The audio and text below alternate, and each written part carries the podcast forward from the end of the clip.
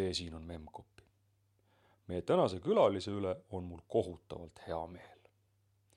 ja mitte ainult seetõttu, et tema sisuline panus Eesti IT-maailma on sõna tõsises mõttes hoomamatu, vaid seepärast, et tegemist on äärmiselt sooja ja toreda inimesega, kellega oli lihtsalt niivõrd tore juttu rääkida.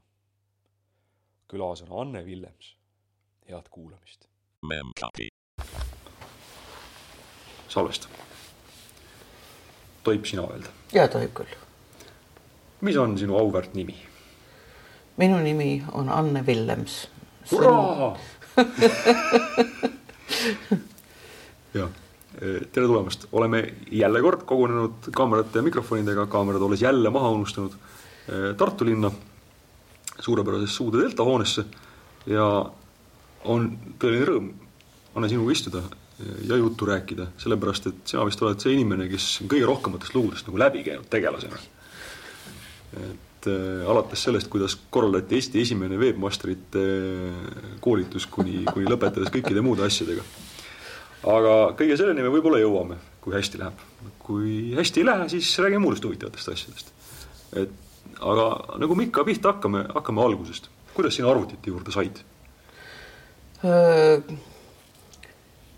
Mina käisin Mari ülikoolis. Mari ülikooli nime rahva seas kandis tolleaegne Tartu kümnes algkool, mis on kohe Vanemuise kõrval mm -hmm. ja vana Vanemuise vastas. ja nimi tuli talle tema karismaatilisest matemaatikaõpetajast Marvetist kellel, kes oli seal õppealajuhatajaks. ja kui me selle kooli aastal tuhat üheksasada kuuskümmend kevadel ära lõpetasime oma pinginaabriga, siis meie vanemad olid väga huvitatud meid panemast viiendasse kooli no mis tol ajal oli siis Rostovtsevi gümnaasiumis mm, -hmm. vabandust, Rostovtsevi ülikoolis, mis oli siis esimene ülikool, mis naisterahvaid vastu võttis. aga, aga seal asus parajasti viienda keskkooli õpperuumid aga meie ei tahtnud viiendasse kooli minna, ma ei tea, miks, aga meie otsustasime, et meie otsustame no ikkagi neliteist aastat isiklikku vanust. loomulikult tuleb ise otsustada, kuhu kooli sa lähed ja meie otsustasime, et meie lähme hoopiski ikka vanasse endisesse Treffneri gümnaasiumisse. noh, mis tol ajal kandis siis nimetust Anton Hansen Tammsaari nimelises, nimeline keskkool ja sinna, aga minu meelest tol ajal ei olnud nagu üldse seda probleemi, eks ole, et pidi mingeid katseid tegema ja midagi. aga ega meil katsetega ka oleks üsna hästi läinud, me mõlemad õppisime üsna, üsna korralikult. ja, ja siis, kui me juba aasta otsa olime seal ära olnud, siis avati seal matemaatikaklass, minu jaoks oli see kohe otse sirge tee, sellepärast et matemaatika oligi mu lemmikaine ja koolis ja ha, kõiges on süüdi muidugi Mari, see tähendab õpetaja Marvet, sellepärast et nii kihvte matemaatikatunnde äh, nagu Marvet tegi meile viiendast seitsmenda klassini äh,. ma tean pärast ainult siis, kui Olav Brünits tuli meid õpetama äh, keskkoolis, aga see oli juba mataklassis niimoodi ja, ja siis äh, nii, et kui me üheksandasse klassi läksime, sest noh, tolleaegne äh, algkool lõppes seitsmenda klassiga äh,. kui me üheksandasse klassi läksime, siis mina läksin kõigepealt ja kahe kuu pärast tuli mu pinginaaber ka järgi, sellepärast et siis tuli töö, mis, mis õpetus see ei olnud tööõpetus, see oli, see oli mingisugune noh, ühesõnaga praktiline ja. õpetus keskkoolis.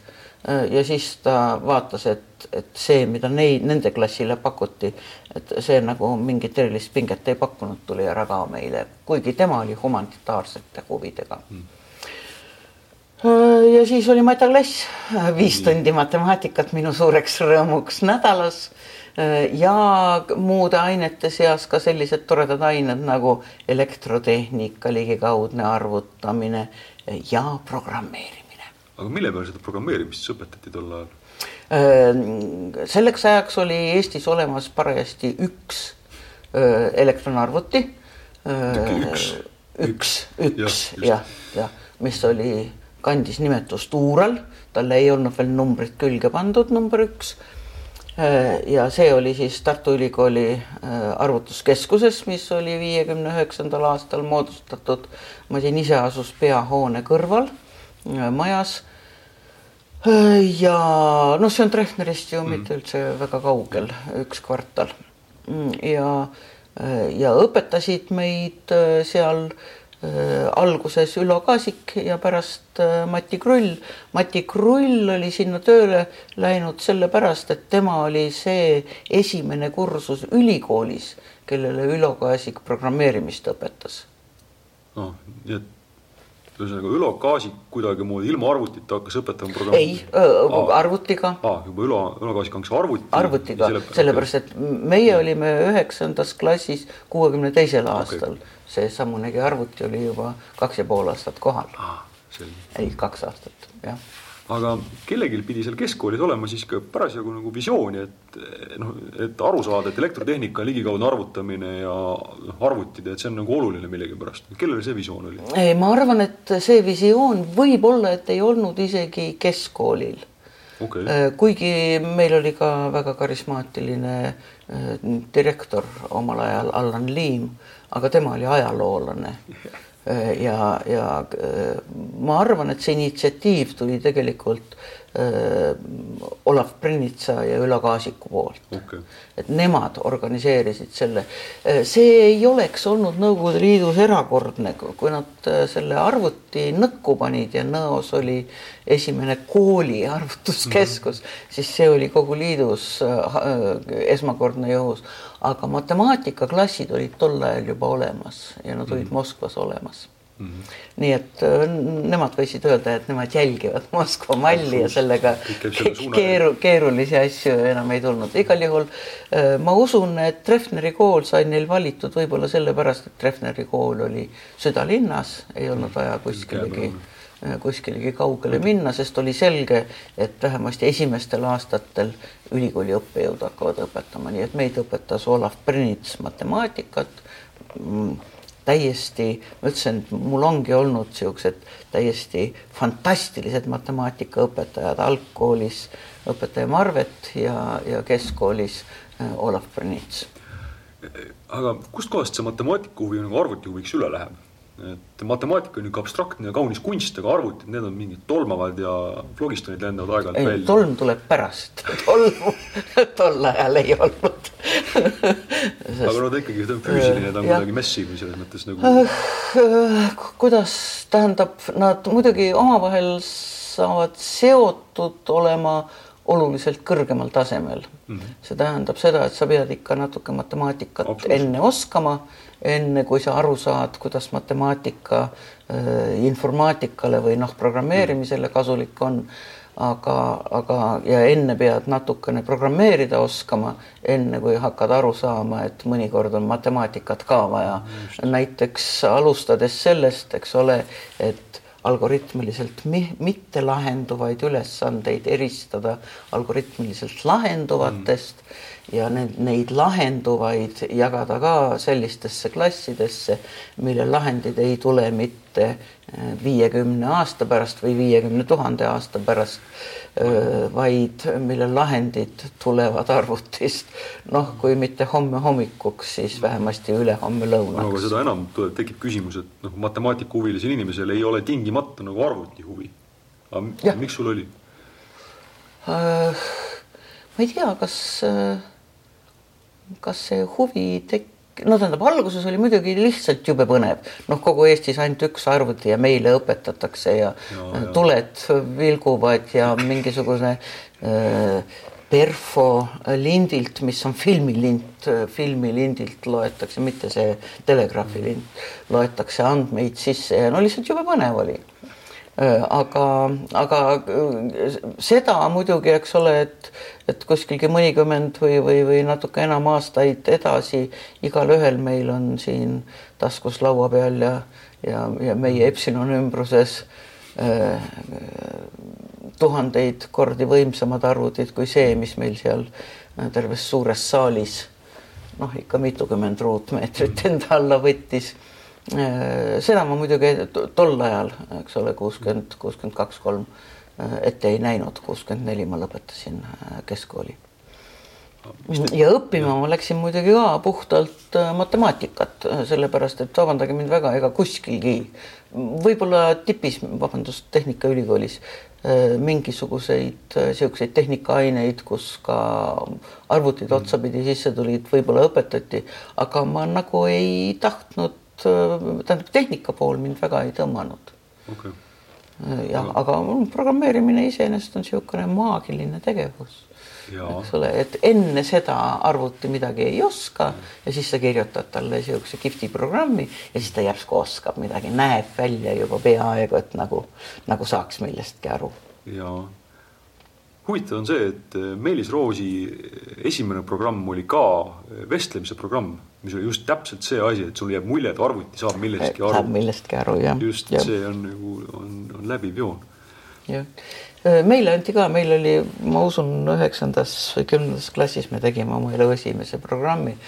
minu, minu programm ei pakkunud mulle nii palju pinget, aga elu lõpuni ilmselt on meelde jäänud ühe mu koolikaaslase ja ma ei mäleta, kes selle programmi tegi, ma pean klassi kokkutulekul küsima kus ülesanne seisnes selles, et talle tuli anda ette kuupäev ja siis ta pidi välja trükkima, mis nädalapäev see on uh. -huh aga nüüd arvestage Ural ühega, tema ainuke väljunud seade oli äh, kitsas äh, printer, äh, kus sai trükkida ainult arve.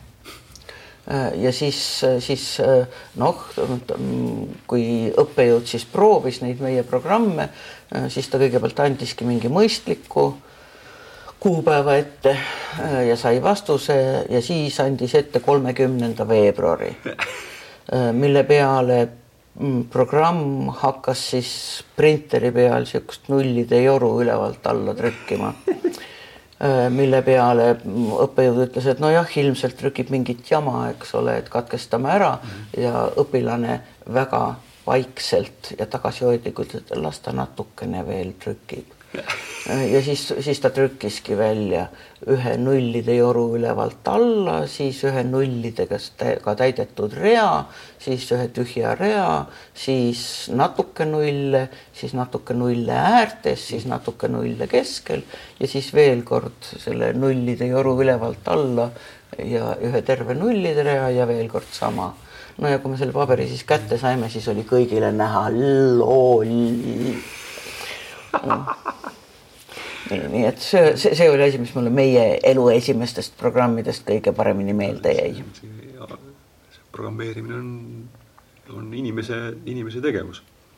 Aga ja. mis te nagu lahe, siukse nagu nuputamisülesandeid tegite, tegitegi või, või mis programme te kirjutasite? ei, me, tähendab, see oli üks huvitavamaid, me seal igasuguseid asju tegime, mingite jadade keskmisi leidsime ja mm., ja, ja, ja ma kõikide ülesandeid ei teagi sellepärast need olid individuaalselt antud, antud ülesanded ja, ja, ja jah, siuksed, siuksed tavalised, mida ka praegused programm, algajad programmeerijad teevad.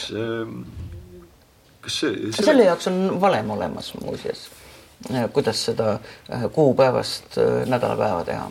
kindlasti on. kas sel ajal mingisugust niisugust nagu kogukonda ka nagu oli nagu liidu peale selle arvutiasjade ümber või mingeid olümpiaade juba sel, sel teemal peeti või? Ma ei tea, kuna, kuna programmeerimist koolides õpetati ikka äärmiselt vähestes, ma ei teagi näiteks, kas Moskva matemaatikaklassis arvuteid ka õpetati, ma ei tea seda. Ja kui ma Ülo Kaasiku käest kunagi ühe intervjuu käigus küsisin, et aga kust ta metoodika võttis, noh, meile programmeerimise õpetamiseks, siis ta vaatas mulle suurte silmadega otsa ja ütles, et aga metoodikat ei olnud mitte mingisugust. Vähe sellest, et ei olnud metoodikat, ei olnud ka kirjandust mm.. nii et ta ise hakkas siis raamatuid kirjutama ja, ja, ja, ja see metoodika oli tal, ta ütles, et noh, nii-öelda käigu pealt äh, välja töötatud. tegelikult kogu see Eesti asi käib Ülo Kaasiku peal. Jah, see, see asi käis ikka kindlasti. tähendab tema ja tema õpilased, sellepärast no, et. sealt edasi jah, ja sealt edasi, jah, jah, sellepärast et noh, pärast seda hakkas neid matemaatikaklasse tekkima ikka hulgi. kaks mm. aastat hiljem või kolm aastat hiljem, sest ma mäletan, et Ove Karu, kes oli omaaegne Nõo direktor, tema istus meie matemaatika lõpueksamitel. Mm.. et nii-öelda vaadata, kuidas, kuida-, kuidas me siis oleme matemaatikas arenenud. mm.. Ja siis, äh, siis, siis ma mäletan isegi oma enese vastust kuna mul oli keeruline joonist teha, siis selle seletamisel ma läksin puntrasse, siis ma astusin kaks sammu tahvlist eemale ja alustasin otsast pihta. no see on see tõestus, et sirge on risti tasapinnaga, kui ta on risti kahe selle lõikuva sirgega, noh, see on keskkooliprogrammi, oli keskkooliprogrammi, praegu ei või milleski kindel olla. Äh, kui me oma mm, projektikooriga, meil nimelt on Arvutiteaduse Instituudis projektikoor, äh, meil tuleb koorilaul meelde poolteist aastat enne laulupidu mm -hmm. ja, ja siis me võtame oma koori kokku ja, ja siis käime, valmistume nii hästi, kui suudame nendeks ettelaulmisteks ja käime laulupidudel ja, ja kui me laulupeol küsiti meie käest, et kuidas meie koori iseloomustada ja siis igaüks pakkus midagi välja ja ja siis, siis mina pakkusin, et äh, meie koori iga liige teab Pythagorase teoreemile ise erinevat tõestust. neid on umbes kakssada, meie koori liikmeid oli kuskilgi suurusjärk nelikümmend. Äh, mille peale matemaatika õpetamisega tegelevad õppejõud meie koorist tuletasid mulle meelde, et aga Pythagorase teoreemi enam ei tõestada koolis. nii et ma nüüd ei tea enam ah, mitte midagi ah, ah, ah paraku O tempora o mores. aga ühel hetkel sai keskkool otsa mm. -hmm. ja siis tuli ülikool, Tartu Ülikool, eks ole, matemaatika. noh, vaadake, aasta oli siis, eks ole, tuhat üheksasada kuuskümmend neli. Mhm. Äh, see tähendab väga sügav nõukogude aeg, mis välistas minu jaoks absoluutselt kõik humanitaaralad mm. -hmm arusaadavatel põhjustel. järgi jäi suhteliselt vähe, järgi jäi meditsiin, mu isa oli kirurg ja noh, ju ta siis vaikselt ikka lootis, et äkki ma, aga, aga kirurgias mul on selline loogiliselt mõtlev mälu, mul on, mul on väga hea igasuguseid tõestusi meelde jätta ja nii edasi. aga kui ma pean pähe õppima kaks tuhat kontide nimetust, siis Äh, ja sinna juurde veel, eks ole, lihaste ja, ja veresoonte ja jumal teab veel ajusagarate ja millede ladinakeelsed nimed, äh, siis ma ei arva enna, et ma ennast väga hästi tunneksin. no ja peale selle me juba äh, viiendasse keskkooli ei tahtnud sellepärast minna, et vanematel olid seal liiga head suhted. tahtsime ikka ise olla. no siis koolis ma ka tahtsin ülikoolis olla rohkem ise kui keegi muu ja siis jäigi järgi matemaatika ja matemaatikat ma armastasin koledasti. No pange tähele, mul olid, eks ole, viis, kuus, seitse väga head õppejõud, ma ei saa midagi paha öelda ka oma kaheksanda klassi õpetaja kohta, kes mind soovitas äh, mataklassi ja noh, siis oli nii-öelda Eesti matemaatikakoolis õpetamise äh, korüfee Olav Brnits oli siis mu, kelle tunde ma mäletan siiamaani, ma mäletan funktsionaalse seose selgitust siiamaani, noh, see on siis, eks ole, ligi viiskümmend aastat pärast seda, kui ma seda õppisin. no siis oli hästi-hästi tehtud. jah. pidigi olema. seal Tartu Ülikoolis toona eh, matemaatikul ikkagi nagu õpetati lõpuks ka programmeerimist jah, meil oli kaks ja. kursust programmeerimist. üks oli masinkoodis programmeerimine Uural nelja peal. selle ma läksin ja tegin nii-öelda kohe septembrikuu jooksul ette ära mille peale õppejõud võttis mu vastuse ja ütles, et lõhnab natuke uuralöe järgi, aga programmeerida te oskate ja pani mulle arvestuse. Ja teine oli siis Ülo Kaasiku äh, algol kuuekümne õpetus ja vot seda ta õpetas küll pliiatsi ja paberiga, sellepärast ühtki translaatorit mm. Tol ajal äh, algolist ei olnud. aga miks ta algolit just õpetas? vaadake, eks ole, aasta siis oli kuuskümmend kuus, seitse, mis keeled siis seal üldse olemas olid? jah. ja jumalale tänu, et keegi ei hakanud meile kobolit õpetama, see oleks mind küll programmeerimisest viie kilomeetri kaugusele peletanud. olete te proovinud kunagi kobolit lugeda või ei, ei ole? ärge vaadake ka see on niisugune, eks ole, kui programmeerimine on niisugune kontsentreeritud väljendus, eks ole, sa saad valemeid kirjutada valemitena ja, ja siis sul on mõningad sellised äh, kenad koodsõnad äh, for ja do ja, ja if then else ja nii edasi, äh, siis pange nüüd sinna mingisugune filoloogide soust peale, kus te peate isegi, et palk pluss preemia, et tuleb välja kirjutada kolme sõnana. vot niisugune programmeerimiskeel, noh ja ma tänan Jumalat, et ma mitte kunagi ei ole pidanud programmeerima Cobolis Aga.... Cobol oli vahepeal väga elujõuline. siiamaani on inimesed ju tegelevad sellega täiesti aktiivselt. siiamaani jah, jah. Eh, mis on huvitav selle jutu juures on see, et, eh, et see on ikkagi nagu eksplitsiitne nagu programmeerimise õpetus käis kuskil nagu keegi metoodiliselt õpetas ja. nagu programmi kirjutama ja see on ja. üsna haruldane. tol ajal kindlasti jah. aga, aga ka nendest lugudest nagu räägitakse üldiselt harva. reeglina mm -hmm. inimesed ütlevad, et see programmeerimine kuidagi jäi neile külge ja nad ei oska öelda, kust või kes õpetas. aga, aga. ja ei, kindlasti on võimalik programmeerimist äh, ma, kui, kui tahtmine on väga suur, siis kindlasti on võimalik programmeerimist iseseisvalt õppida mm. -hmm. aga no motivatsioon peab ikka niimoodi seinakõrgune olema. kas tol ajal oli, mis see nagu arvutite niisugune perspektiiv oli, et milleks neid nagu kasutati? et noh, programmeerime, programmeerime, aga kas see on nagu mhm. teaduslik töövahend või mingi rahvamajandus aitab kaasa? ja, ja tähendab, rahvamajanduses kasutus oli juba uurelöö ajal mm. kuna mälu oli väga väike, ärgem ära unustagem, et uurelöhe mälu, mida keegi ei usu, oli kaks kilo, aga noh, õnneks mitte baiti, sest baiti tol ajal ei tuntud, vaid sõna mm. -hmm. niimoodi kaks kilo sõna. noh, võtke oma telefoni ja vaadake siis nende megade või gigade äh, baitide arvu, äh, mis teil taskus on siis väga suur äh, probleem oli see, et kuidas neid andmeid, mille pealt midagi pidi arvutama, datama, äh, kuidas neid sinna arvutisse ära mahutada. välisseadmetega olid ka veel omad probleemid. aga siis nad pakiti niimoodi kokku. ja, ja, ja, ja ma mäletan, et kui ma ise programmeerimist õpetasin, masinkoodis programmeerimist, sellepärast et ma miskipärast läksin mehele Äh, viimase kursuse viimasel semestril, seitsmekümnendal aastal. ja siis järsku nagu langes ära minu Tallinnasse tööle minek, sest mu mees teatas surmkindlalt, et tema küll Tallinnasse ei kavatse minna. noh, ja siiamaani ei ole läinud. Äh, ja, ja siis, siis ma pidin ruttu Tartus endale töökoha otsima.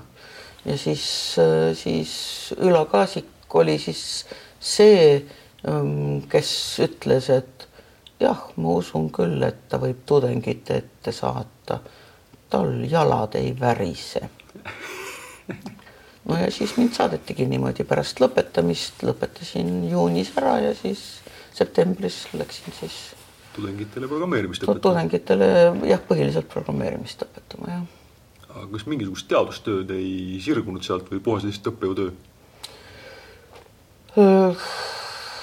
Teadustegevusega ma hakkasin tegelema hoopis palju hiljem mm. -hmm. sellepärast, et kui meil praegu räägitakse, et mis asi on õpetaja koolis, normtöökoormust te teate peast, ei tea, kakskümmend neli, kakskümmend kaheksa tundi mm, -hmm. siis äh, algajate õppejõudude nii-öelda jalul seismise, auditooriumi ees seismise koormus vähemasti see, kus, kui mina õpetasin, oli kakskümmend neli või kakskümmend kaheksa tundi nädalas, noh mm. sealt kõrvalt väga.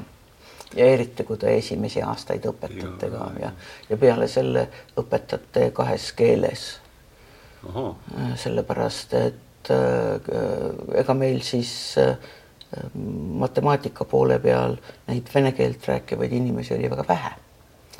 ja olidki kaks eraldi gruppi, oli eesti ja vene grupid. jah, ja, ja majandusteaduskonnas ma õpetasin elu esimese loengu, ma lugesin vene keeles majandusteaduskonna, ma ei tea, kas kaug, kaugõppijatele või äh, vene keelt ma oskasin väga nirult, äh, sellepärast et äh, esiteks ei olnud seda vaja ja teiseks ma olin küll lugenud väga palju matemaatikaalaseid õpikuid mm., aga noh, mis ma võin neid tõestusi lugeda ka prantsuse keeles, mida ma ei oska.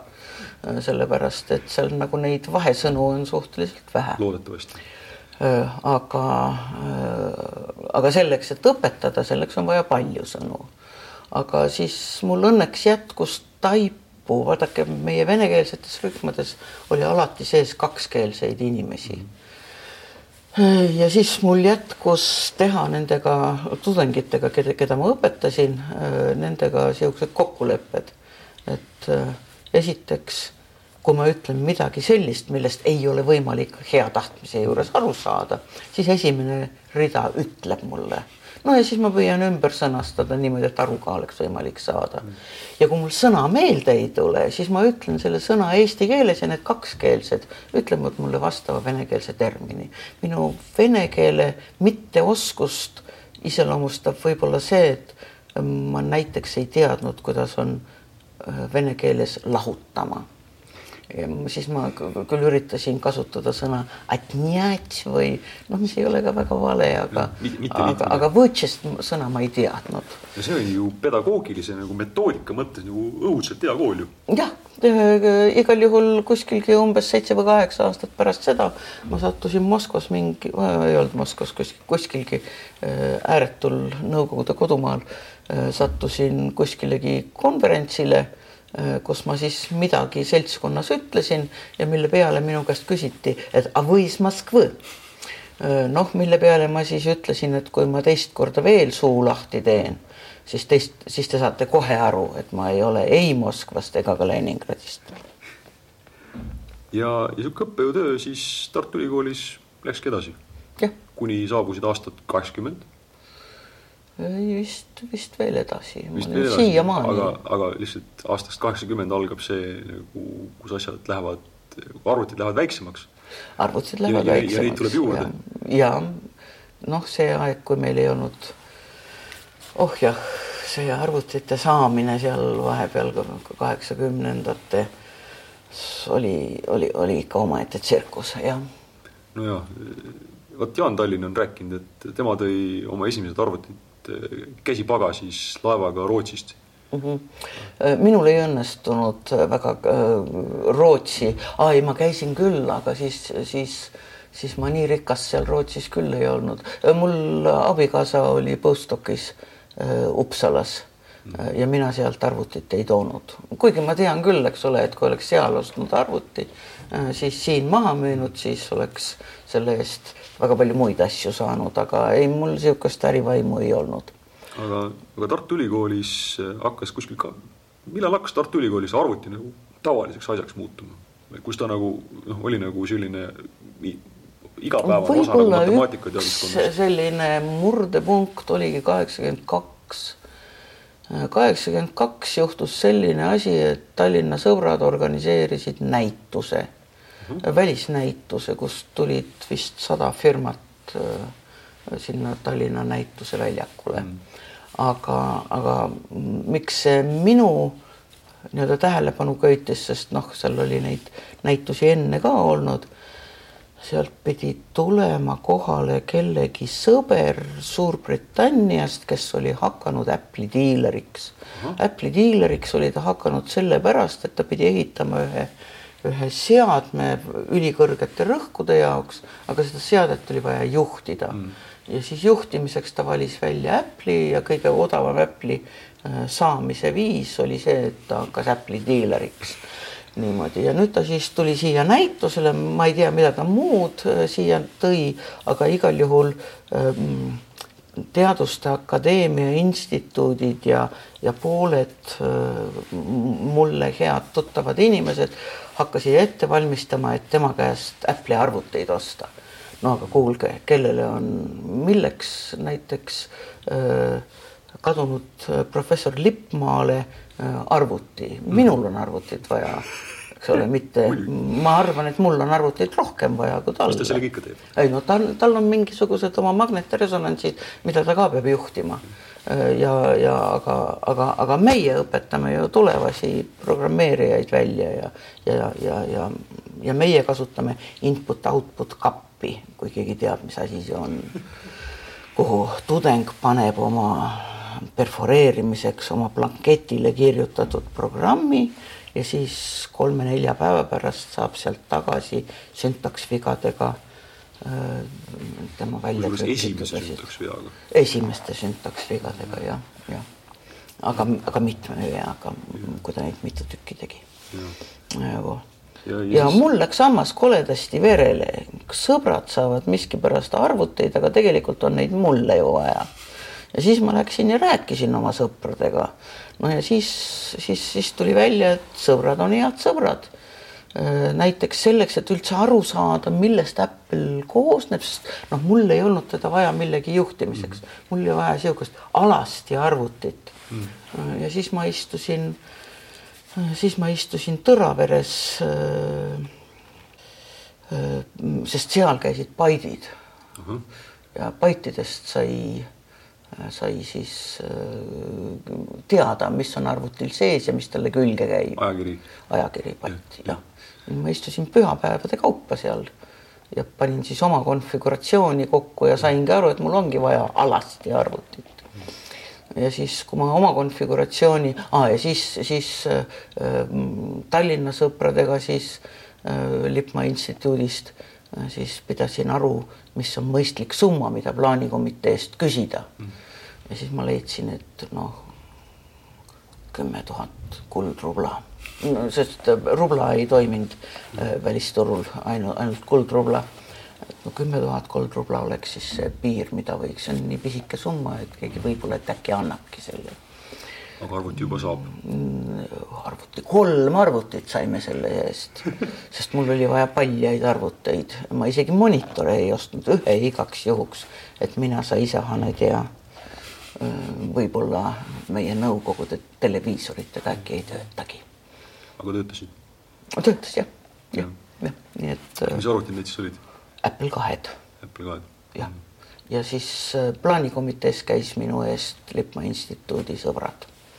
Äh, Tõnu Karu ja mm, meie vahepeal oli välisministriks, mul on nimedega raskusi no,. Lippmaa instituut äh, on meil siis Küberneetika Instituut? Ei ole, KBFI.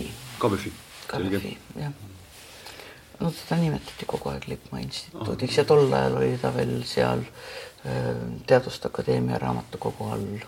Estonia põhjustel.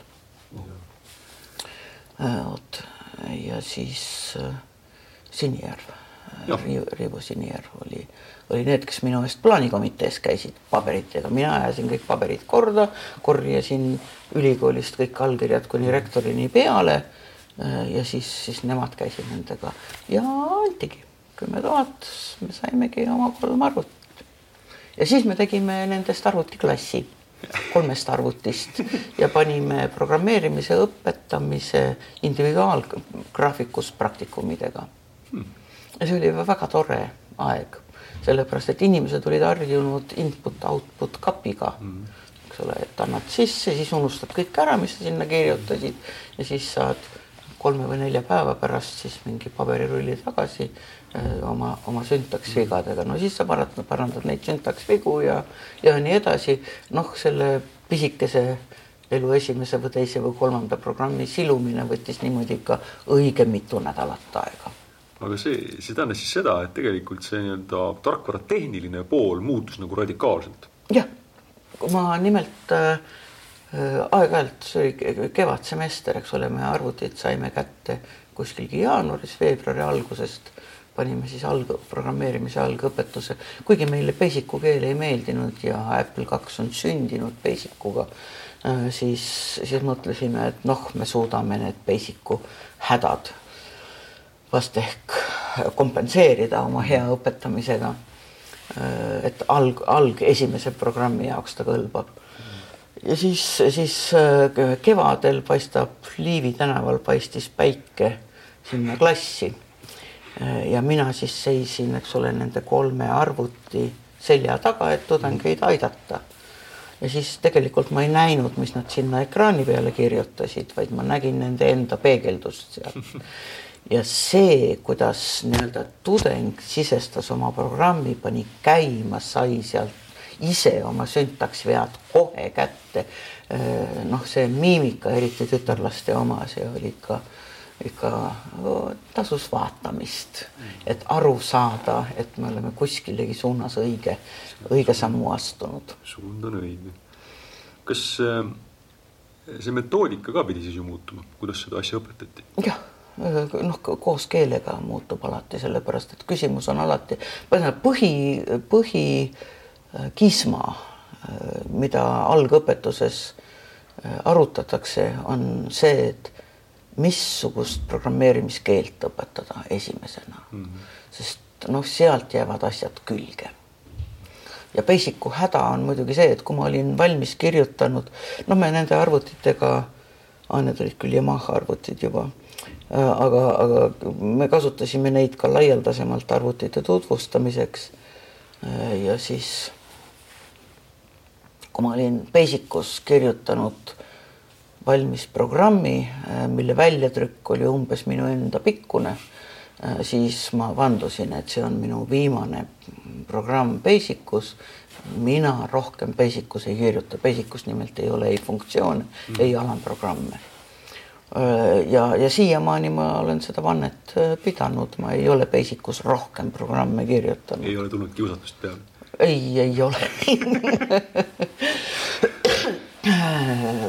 nii et, nii et ka mm, tükk aega me muidugi, kuna mulle õpetati kõigepealt masinkoodi, sellepärast vabandage nüüd väga, URL-i arvuti peal mingit, mingit kõrgetaseme keelt ei olnud ja assemblerit ka ei olnud. Ja mulle tundus see nii, noh, siis ma saan ju aru, ma mängin otse registritega ja ma saangi aru, mis, mis masinas toimub ja mida see aritmeetiline plokk seal teeb ja nii edasi. Ja sealt edasi on juba kõik väga lihtne. Äh, siis, äh, siis äh, üks mu Novosibirski nüüdseks juba kadunud sõber kunagi, kui ma võitlesin selle eest nii-öelda ühes üleliidulises seminaris, et ikkagi masinkoodist tuleb alustada, siis ta minu seisukoha ilmestamiseks rääkis anekdoodi. anekdoot oli niisugune, et vot vaene mees läheb kirikuõpetaja juurde ja ütleb, et kole raske on elu, et naine ja lapsed ja ämm ja, ja, ja, ja kõik peame elama, eks ole, oma onni ühes toas ja, ja see on ikka, see, see on ikka väga raske. ja siis äh, kirikuõpetaja küsib, et aga kas sul kits on? ja kits mul on. no ole hea, võta kits ka tuppa juurde. ja, ja milleks veel kits, aga kirikuõpetaja käskis, talumees võtab siis ka kitse tuppa ja, ja ütleb, et vot nüüd nädala pärast nüüd vii kits välja. nii ja, ja siis ja siis, siis tule räägi minuga. no nädala pärast viib mees kitse välja ja tuleb, räägib, et vot nüüd on küll juba väga hästi, kitse enam ei ole ja oma naise ja ämma ja laste ja kõikidega ma saan nüüd juba palju paremini hakkama Äh, vot ja, ja siis sellest masinkoodist alustamine on nagu siis see kitse toomine sinna tuppa, et ja kui lõpuks siis saab hakata programmi kirjutama äh, for ja if ja äh, else'iga, et noh, siis on suur lõõgastus, et noh, enam ei pea, eks ole, tõstma midagi registrisse ja kontrollima ja andma suunamist ja nii edasi. kui, ma nüüd seda juttu kuulan, siis siin on toimunud üks mingisugune kuskil selle jutu sees, mingisugune nihe toimunud. Alustasime sellest, et meeldis programmeerimine mm, -hmm. siis nüüd äh, ühel hetkel oli, andis selle nii-öelda positiivse emotsiooni see näoilme muutus selle ekraanipeegelduse peal mm. -hmm. et mis hetkest see nagu programmeerimise õpetamine muutus nagu huvitavamaks või nagu põnevamaks kui programmeerimine? kui üldse niisugune hetk on olnud? jah, ei, ma usun küll äh,. Äh,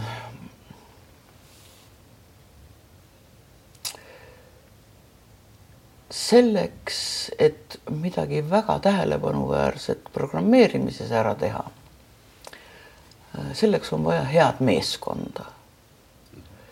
ja ma arvan, et parim süs-, nii-öelda suur asi, mida ma programmeerimises olen teinud, me Ain Isotammega sisuliselt kahekesi tegime omal ajal suure süsteemi Villis, mis oli aruannete generaator ja millel olid ikka väga tähelepanuväärsed omadused.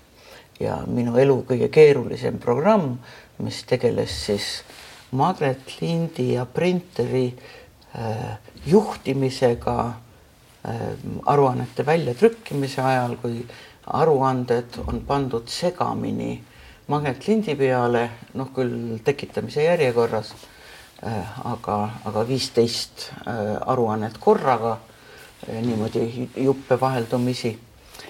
ja siis printerist tulevad kõik aruanded õiges järjekorras ja, ja mul oli kaks katkestuste mm, allikat ja, ja siis tasakaalu hoidmine printeri äh, puhvrite ja, ja magetlindi puhvrite vahel, noh, see teisendamise töö seal vahel, et, et andmetest teksti tekitada, see, see oli köömes see on vast jah, mu kõige, kõige keerulisem programm, mille käigus muuseas, see on iga programmeerija unistus avastada arvutiviga.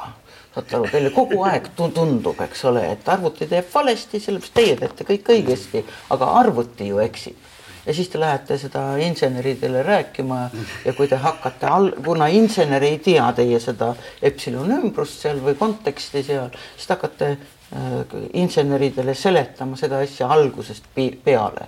vot niimoodi, niimoodi, niimoodi, niimoodi. kuskil poole peal te saate aru, millal te ise olete vea teinud, haarate kõik oma väljatrükid ja ütlete insenerile, kes sinnamaani ei ole veel mitte millestki aru saanud, ütlete talle aitäh posti mängimise eest ja siis lähete oma viga parandama. aga, aga selles programmis mul õnnestus leida arvutiviga Äh, sellepärast et äh, sünkroimpulss traatprinterile oli halvasti joodetud. ja see tähendab seda, et äh, kõik inimesed trükkisid sümbolhaaval mm. -hmm. või siis rida, eks ole, äärmisel, äärmisel juhul terve rea mm. -hmm. mina tahtsin, tegin lehekülje valmis ja tahtsin tervet lehekülge ja trükib mulle pool lehekülge või veerand lehekülge ja edasi lihtsalt ei trüki. Lähen kontrollin seda printeri juhtkäsku, kõik on õige, kõik maha, aga ei trüki. Mm noh, ja siis insenerid avastasid, see on minu ainus kord minu programmeerija karjääris, kui mul on õnnestunud arvutiviga avastada. kusjuures mitte arvuti kui nagu tüübiviga, et Ural ja. nagu üldiselt nagu teeb seda viga, vaid see konkreetne tükk on väga spetsiifilisel viisil katki. see lihtsalt konkreetne printer mm. jah, aga no see on ikkagi riistvara ja, ja see on ikka inseneride pärusmaa, mitte, mitte, mitte programmeerija oma. aga ikkagi, kuidas see, kuidas see õpetamise värk nagu huvitavamaks läks? Õpetamise värk on huvitav olnud kogu aeg, sest ega ma siis ei oleks kaua seal äh, selle koha peal, noh mm -hmm. Tallinnas oli palju arvutuskeskusi, Tartus väga nagu arvutuskeskusi mm -hmm. ei olnud väga, Tartus väga vähestel asutustel olid, aga ega mind väga ei tõmmanud ka see, see tolleaegne noh, ma ei tea, ASU tegemine Äh, automatiseeritud juhtimissüsteemide tegemine, see, see, see Nõukogude tehnika töökindlus oli ikka niivõrd vilets, et, et isegi Nõukogude esimesed ülekavaldatud, ameeriklastelt ülekavaldatud personaalarvutid ei kippunud hästi töötama. Äh, nii et, aga õpetamine oli ju palju toredam sa õpetad, sa ja, ja peale selle noh, kuni siiamaani, eks ole, räägitakse meile, kuidas äh, Eestis on veel ikka kaheksa tuhat äh, IT-spetsialisti puudu. Need maagilised Schrödingeri kaheksa tuhat äh, jah, ma usun küll jah, ja see on, see on enam-vähem konstantne suurus, see on seisnud juba niimoodi väga-väga palju aastaid noh, põhiline ei ole võib-olla see number ise kaheksa tuhat, vaid see, et neid on puudu ja see, et neid on puudu, seda me näeme kogu aeg oma teise kursuse pealt mm. -hmm. nimelt inimesed omandavad esimese kursuse programmeerimise algõpetuse ja siis teevad oma esimese projekti hoopis tähendab objektorienteeritud programmeerimises. ja siis on ta kasulik firmale ja mm, ülikool lükatakse teiseks plaaniks, noh ja kes siis veab välja, kes ei vea välja, enamus ei vea. see tähendab, ülikool jääb kõrvale. selle kohta on mul kaks küsimust, enne kui me jõuame selle küsimuse juurde, et kuidas arvutiside jõudis. aga mul on see küsimus, et see, et õpetada välja arvutiõpetajaid. Kustkohast see idee tuli, sest see tahab ka ikka nagu ägedat visiooni saada, et just, et see, et, et et keskkoolis peaks nagu või üldse koolis peaks nagu arvutiõpetust õpetama, kust nagu see tekkis? sellel on nagu siuksed kaks juurikat. üks juurikas on muidugi see, eks ole, et arvutid hakkasid jõudma ka koolidesse, mitte ainult, eks ole, mataklassidesse mm, -hmm. vaid ka sest tekkisid lihtsalt sellised arvutid, mida noh, Uural ühte ei jõudnud keegi, ükski kool osta, see on ka täiesti selge ja tal no, ei olnud peale oma ja füüsiliselt ta võimlemissaali oleks mahtunud, aga aga seda ei saanud ka koolist äh, arvuti alla ära võtta. Äh, nii et äh, noh, need õpetajad, kes läksid koolis arvutit õpetama, neid oli vaja välja töötada, välja õpetada aga teine oli muidugi arvutiside, sellepärast arvutiside hiilis äh, koolidesse tagauksest. Mm. -hmm see ei olnud mingisugune niisugune riiklik programm, kui meil pärast tuli, eks ole, tiigrihüpe ja mm igasugused asjad, siis esimesed, ma usun, ligi sada äh, kooli said arvutisidega ühendatud, noh, iseküsimus, mismoodi ühendatud, nii et Äh, paljud ülemused ei teadnud üldse. et on jah. mille külge nad läksid siis? Äh, noh, osa nendest läks moodemiga äh, telefoniside kaudu. Tartusse siis külge? alustame algusest see tähendab, et, et aasta siis oli, oh Anna, mul mälu kaheksakümmend alguses. kõigepealt muidugi olid Fido vennad mm. -hmm. ja ma arvan, et nende tegevusest ei teadnud ka mina suurt midagi, sest, sest äh, amatööride äh, ridadesse ma ei kuulunud ja, ja seda ma kuulsin pärast, et Fido vendadel oli moodemside juba enne, kui arvuti jõudsid äh, UCP-ga, UCP-ga, Unix to Unix communication protokolliga äh, võrku äh,. aga, äh, aga kui, kui siis äh, arvutivõrgust juba midagi kuulda oli äh, ja kaheksakümnendatel juba oli midagi kuulda, siis, siis ka meie Soome sõbrad otsustasid Eesti, Nõukogude Eesti järgi aidata. ja noh, muidugi Tallinn on Helsingile palju lähemal kui Tartu. nii et Tallinna Tehnikaülikool sai siis soomlaste käest moodemi, aga, ja kuigi meil oli uuendatud telefoniside seoses kaheksakümnenda aasta olümpiaga, siis ei pidanud selle moodemi kiirus ja ma nüüd ei nimeta numbreid, ma neid enam ei mäleta, ma usun, et ühe, üheksateist tuhat millegiga bitt, bitti, bitt per second oli see mõõduühik. see vist ei pidanud vastu. ja siis pidid soomlased kinkima neile natukene aeglasema moodemi, mis võttis ka madalamaid kiiruse ja said Tallinnast UCP-s, tähendab Unix to Unix communication protokolliga äh, side meie Tartus olime ka muidugi uljad, me muretsesime endale ka moode-, selle moodemi ja üritasime Tartust Helsingisse helistada. aga Tartus ei olnud kaheksakümnenda aasta äh, olümpiamängude äh, jah, isegi mitte purjeregatti. ja, ja meie telefoniliinid ei pidanud ka aeglase moodemeid vastu. siis me võtsime kätte ja üritasime Tallinnasse helistada ja kuna me ei jõudnud neid kiireid moodemeid osta, siis me ostsimegi mingi sisemise odava moodemi ja aitäh Mati Kilbile, kes tol ajal oli matemaatikateaduskonna dekaan ja, ja need mingid pisikesed valuutasummad, sest noh, kust sai kaheksakümnendatel ikka midagi ostab valuutapoest mm. -hmm. ja, ja muretses meile moodemi ja siis, äh, siis meil käiski niimoodi, et meie helistasime Tallinnasse, Tallinn UCP-ga helistas noh, alguses kaks korda nädalas, siis kolm korda nädalas, siis iga päev, siis ma ei tea, mitu korda päevas, kuna mahud läksid järjest suuremaks äh, Helsingisse, no aga Helsingist alates oli juba päris, päris korralik äh, internet olemas. aga mille külge need keskkoolid siis tulid? Äh, tähendab, vahepeal toimus see, et meil pandi ju satelliitside ülesse mm -hmm. ja see on siis tänu äh, Rootsi Kuninglikule Akadeemia Sorosse fondile, nad said nii palju siis raha kokku, et need otsa, otsaseadmed mm -hmm. kahes eksemplaris, sest noh, Tartu-Tallinna vahet ei jõua ju keegi ära kakelda.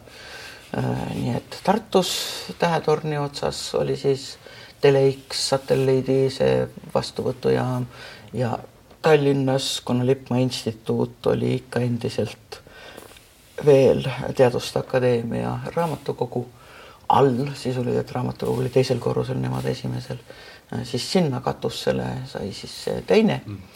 satelliitseade.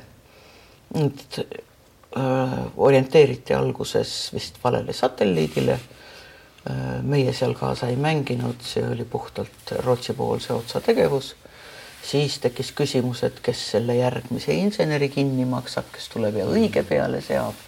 aga siis tuli Rootsi kuninga visiit Tartusse.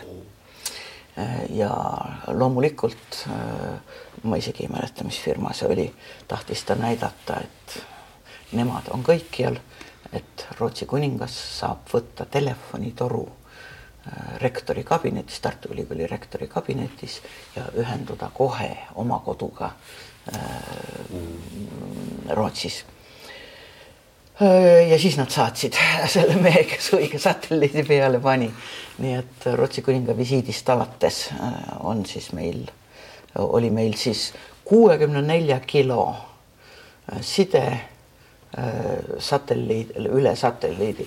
sel hetkel oli muidugi Tallinn-Tartu side väga huvitav mm küll Tallinnast Tartusse, nagu me teame, on kakssada kaheksakümmend viis kilomeetrit. Äh, kui nüüd. teistpidi on rohkem. Mm, teistpidi on alati rohkem olnud. Äh, aga kui nüüd vaadata, missuguse tee pidi läbima elektronkiri selleks, et jõuda Tartust Tallinnasse, äh, siis ta kõigepealt pidi minema, eks ole, noh, see Tartusse jõnks mm -hmm. kuni sinna Tähetorni, siis Tähetorni Äh, sellelt satelliidi pealt KTH-sse, see tähendab kuninglikku Rootsi Tehnikaülikooli Stockholmis. Äh, sealt olles avastanud siis EE numbriga, kas meil tol ajal oli EE, see tuli natuke hiljem. meil esimesed aadressid olid SU-ga, muuseas Soviet Union. ja siis, siis sealt KTH-st üle satelliidi Tallinna Tehnikaülikooli, noh ja siis natuke veel Tallinnas. Äh, nii et äh, see kõik oli vist, ma kunagi vist arvutasin kokku üle seitsmekümne tuhande kilomeetri. kaugemal ei ole Tartu Tallinnast kunagi asetsenud. aga see läbiti õnneks valguse kiirusel. kust see visioon tuli, et niisugust asja üldse nagu vaja on, et milleks internet hea oli? no tolleks ajaks me olime selle, selle UCP, Jõjõssipi sidega juba, juba imeasju teinud. Ma näiteks õpetasin tollel hetkel internetti tudengitele. me tudengitega, vaadake e-kirja teel oli võimalik igasuguseid asju saada FCP-sid, ei RFC-sid, request for comment mm, -hmm. mis on, eks ole, internetidokumentide alusdokumendid või interneti dokumentatsiooni alusdokumendid Neid oli võimalik tellida e-kirjaga mm -hmm. ja siis me tudengitega, tudengite arvestusülesanne oli mõni RFC kohale meelitada. no ja siis meil oli kätte peal peaaegu et kogu interneti dokumentatsioon ja üksikud neist me isegi üritasime välja trükkida. näiteks RFC kaheksa kaks kaks või kaheksa kaheksa kaks, numbrid ei püsi hästi meeles, mis oli elektronkirjade aluseks mm, -hmm. see dokument. väga huvitav oli neid uurida.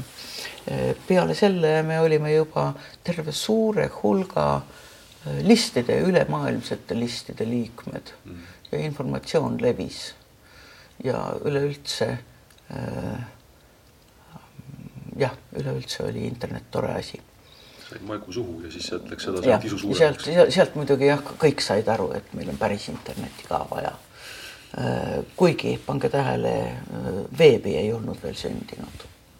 vot, aga kuidas? meil oli Gopher. ja, ja just lugesin artiklit, kuidas Gopher oli ikka see õige internet, see, see veebivärk, see on mingisugune vuhvel ja vale ja see on mingisugune korporatsioonide välja mõeldud mingisugune kole asi. ja see on äh, CERN-i selles keskuses välja mõeldud, kuna neid hakkas jubedasti ära tüütama see, et äh, noh, CERN-is toodetakse palju artikleid mm -hmm. ja need artiklid on, eks ole, viitavad üksteisele mm. -hmm ja siis, äh, siis kuidas sa saad aru artiklist, eks ole, sa pead neid viidatavaid artikleid ka lugema ja see on üks igavene tüütus käia neid kuskiltki otsimas. ja siis mõeldi välja World Wide Web, äh, kus on artikkel ja kus on kohe ka, eks ole, need pildid seal sees. see tähendab, see nõudis juba graafilist brauserit ja kus on viited niimoodi, et sa saad klõksida nende peal ja siis tuleb järgmine artikkel kohale. kas, äh, kuidas, kaks eraldi küsimust, kuidas see Vaveeb jõudis Eestisse, Tartusse täpsemalt uh mhm. -huh. ja B, kust tuli mõte, et võiks hakata inimestele õpetama, kuidas seda veebi teha? Need äh, mõtted tulid peaaegu et korraga uh, mhm. -huh. aga kuidas veeb jõudis Eestisse, minge küsige Marek Tiitsu käest. Marek Tiits jälle? Marek Tiits jälle, jah. ja. tema äh, töötas tol ajal äh, Tartu Ülikooli raamatukogus, kus oli äh, jälle kuskiltki päranduseks kingitusena saadud mingisugune arvuti ja ma ei mäleta, mis arvuti see oli, aga sellel oli sellel oli võimalik veebiserver peale panna uh. -huh. sellepärast vabandage mind väga, veebiserverid kõik töötavad Unixis. muidugi. jah. ja, ja Eesti esimese veebiserveri pani püsti Marek Tiits ja siis selles kursuses, mis vist kandis juba tol ajal pealkirja informaatika didaktika mm -hmm. ja kus ma igasuguseid uusi asju, kaasa arvatud internetti, üritasin lugeda ja ma usun, et selle kursuse nime, sest ega mul internetikursust ei olnud mm. -hmm mul oli informaatika didaktika äh, kursus, kus me siis üritasime ka neid RFC-sid äh, seal tagasi saada ja või kätte saada ja nii edasi ja nii edasi. Äh, ma kutsusin Marek Tiitsu, et ta siis räägiks meile natukene nii Gopherist kui ka veebist.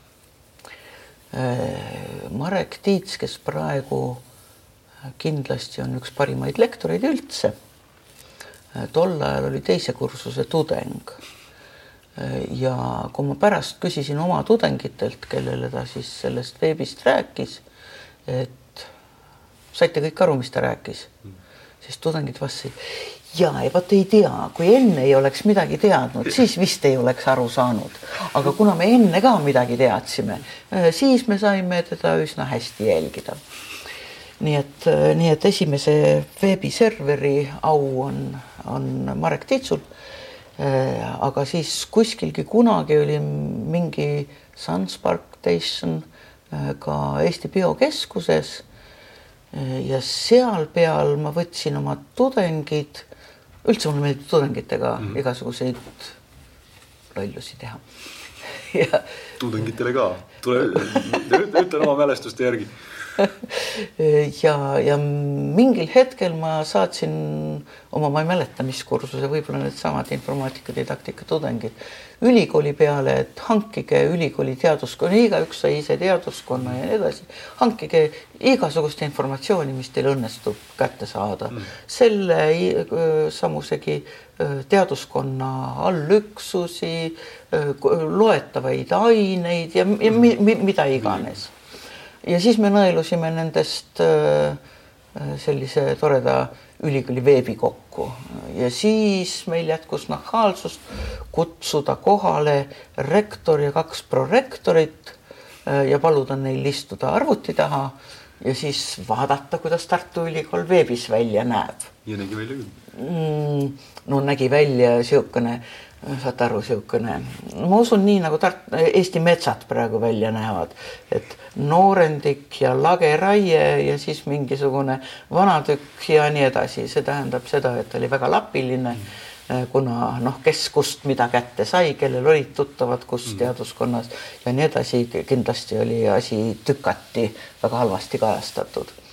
aga ja me muidugi kujunduse peale noh, ikkagi Mata teaduskonna tudengid, kujunduse peale väga-väga palju auru ei raisanud, aga igal juhul said rektorid teada, mis asi on veeb, kuigi meil vist tol hetkel oli noh, näppudel üles lugeda, mitu veebiserverit meil äh, Eestis üldse tol hetkel oli.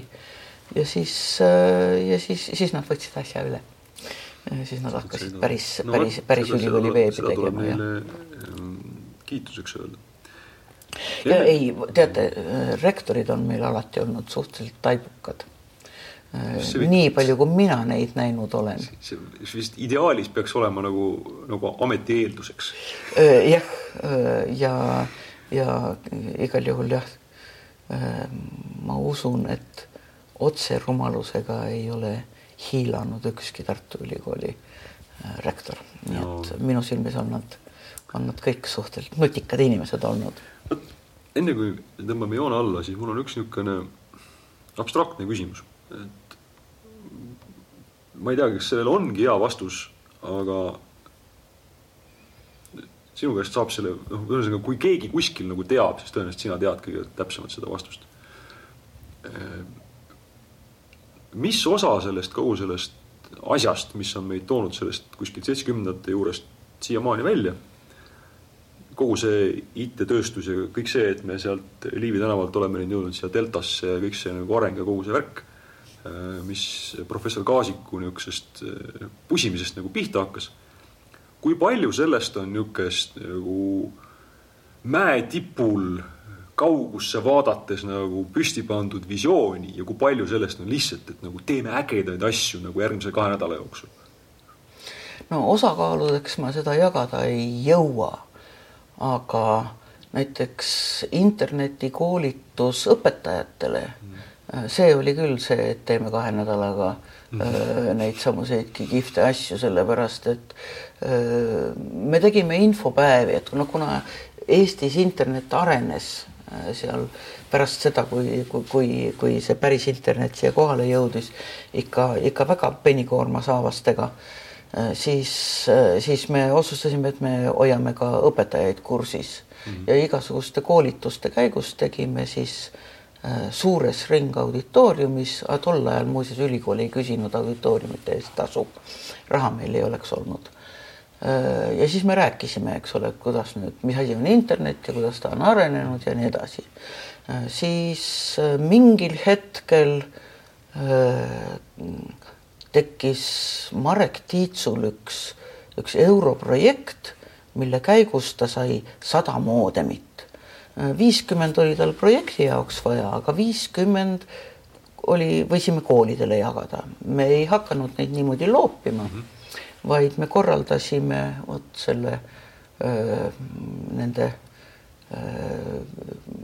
süssadminnide või, või mm, -hmm. või postmasterite kursused, aga siis me tegime juba siukseid kombineeritud kursusi, et meil oli viis õpetajate rühma, kellelegi me õpetasime äh, hiire liigutamist, kellelegi me õpetasime vist midagi programmeerimist, kellelegi õpetasime, kuidas moodemit paika panna ja kuidas sinna teenused peale tõmmata, kellelegi me õpetasime, mis on veeb ja, ja siis kuskilgi õpetasime veel mingeid süssadminne või jumal teab keda. Ja siis nendele postmasterite kursusele me saime neid teha kaks korda niimoodi, et kõik kohale tulnud koolid, kes tahtsid edukalt kursuse, see on kahepäevane kursus, niisugune laupäev-pühapäev, õpetajad koolituvad entusiasmist mm. me mingit tasu ei maksnud. mingil korral meil oli raha, me saime piletid kinni maksta, aga mitte alati. ja siis me saime moodemi kaasa anda. meil puudus kontroll, mis nendest moodemitest pärast sai. aga kui üheksakümne viiendal aastal meil äh, nagu enam ei mahtunud need õpetajad kuskilegi ära, isegi Vanemuise suurde auditooriumisse ei kippunud ära mahtuma ja meie võhm hakkas ka otsa saama ma käisin PTUis, pedagoogika teadusliku uurimise instituudis, kes organiseeris õpetajate koolitust, käisin äh, küsimas, eks ole, et kas nad meie kursustele ei taha raha anda. Mm..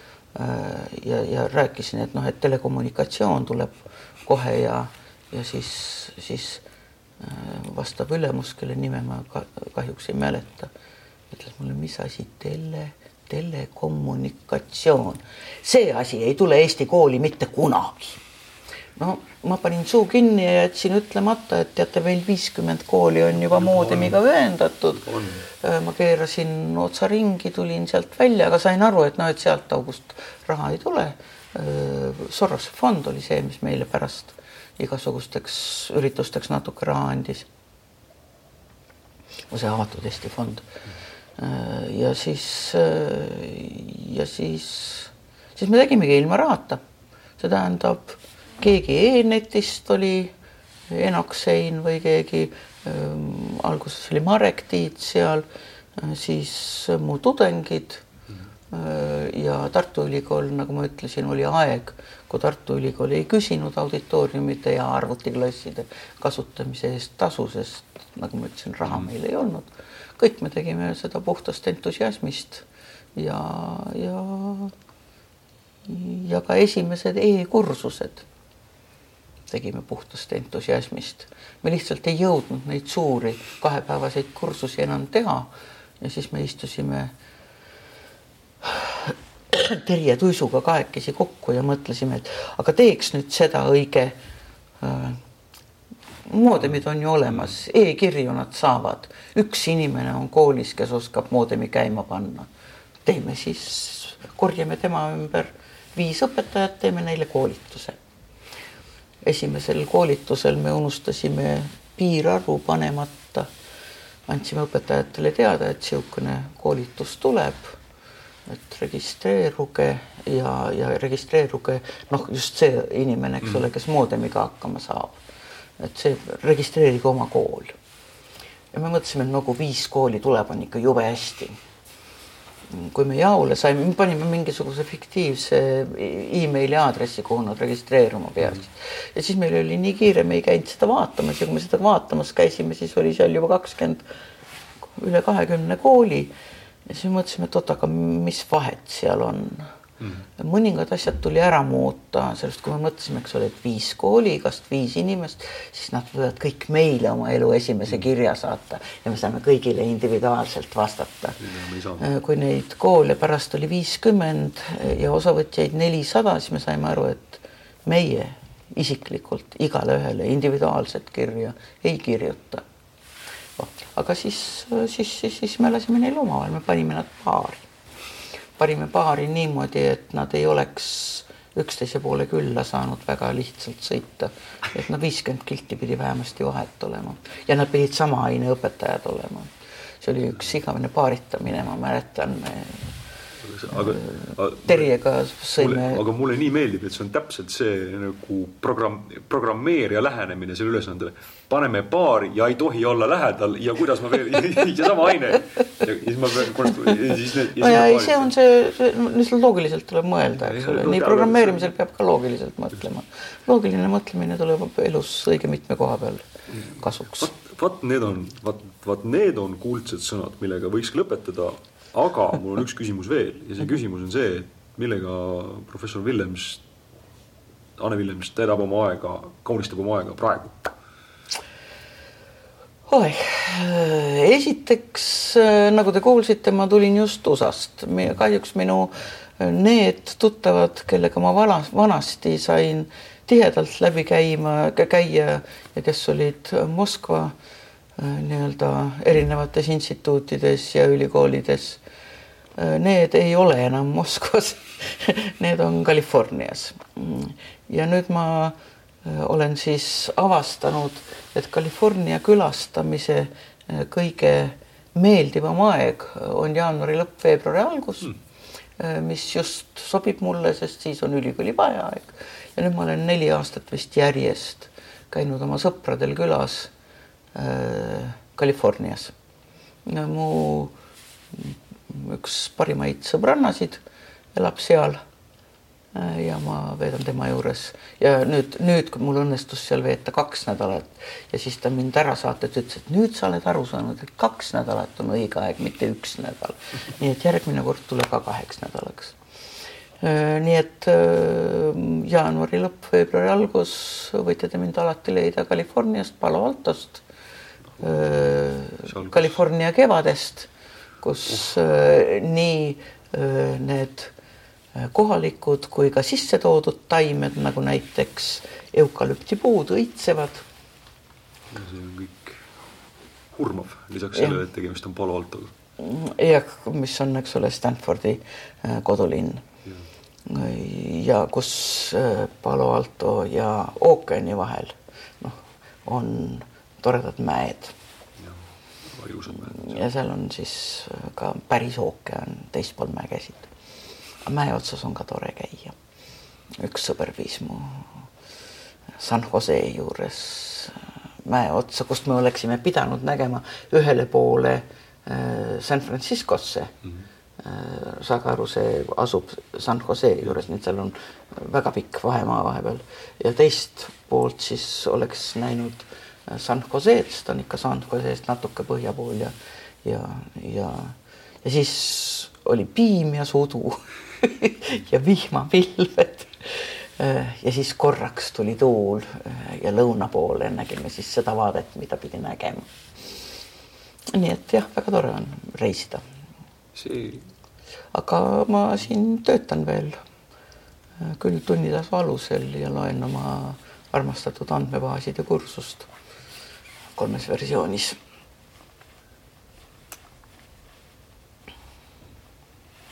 sõnadest jääb puudu, et väljendada tänulikkust. aitäh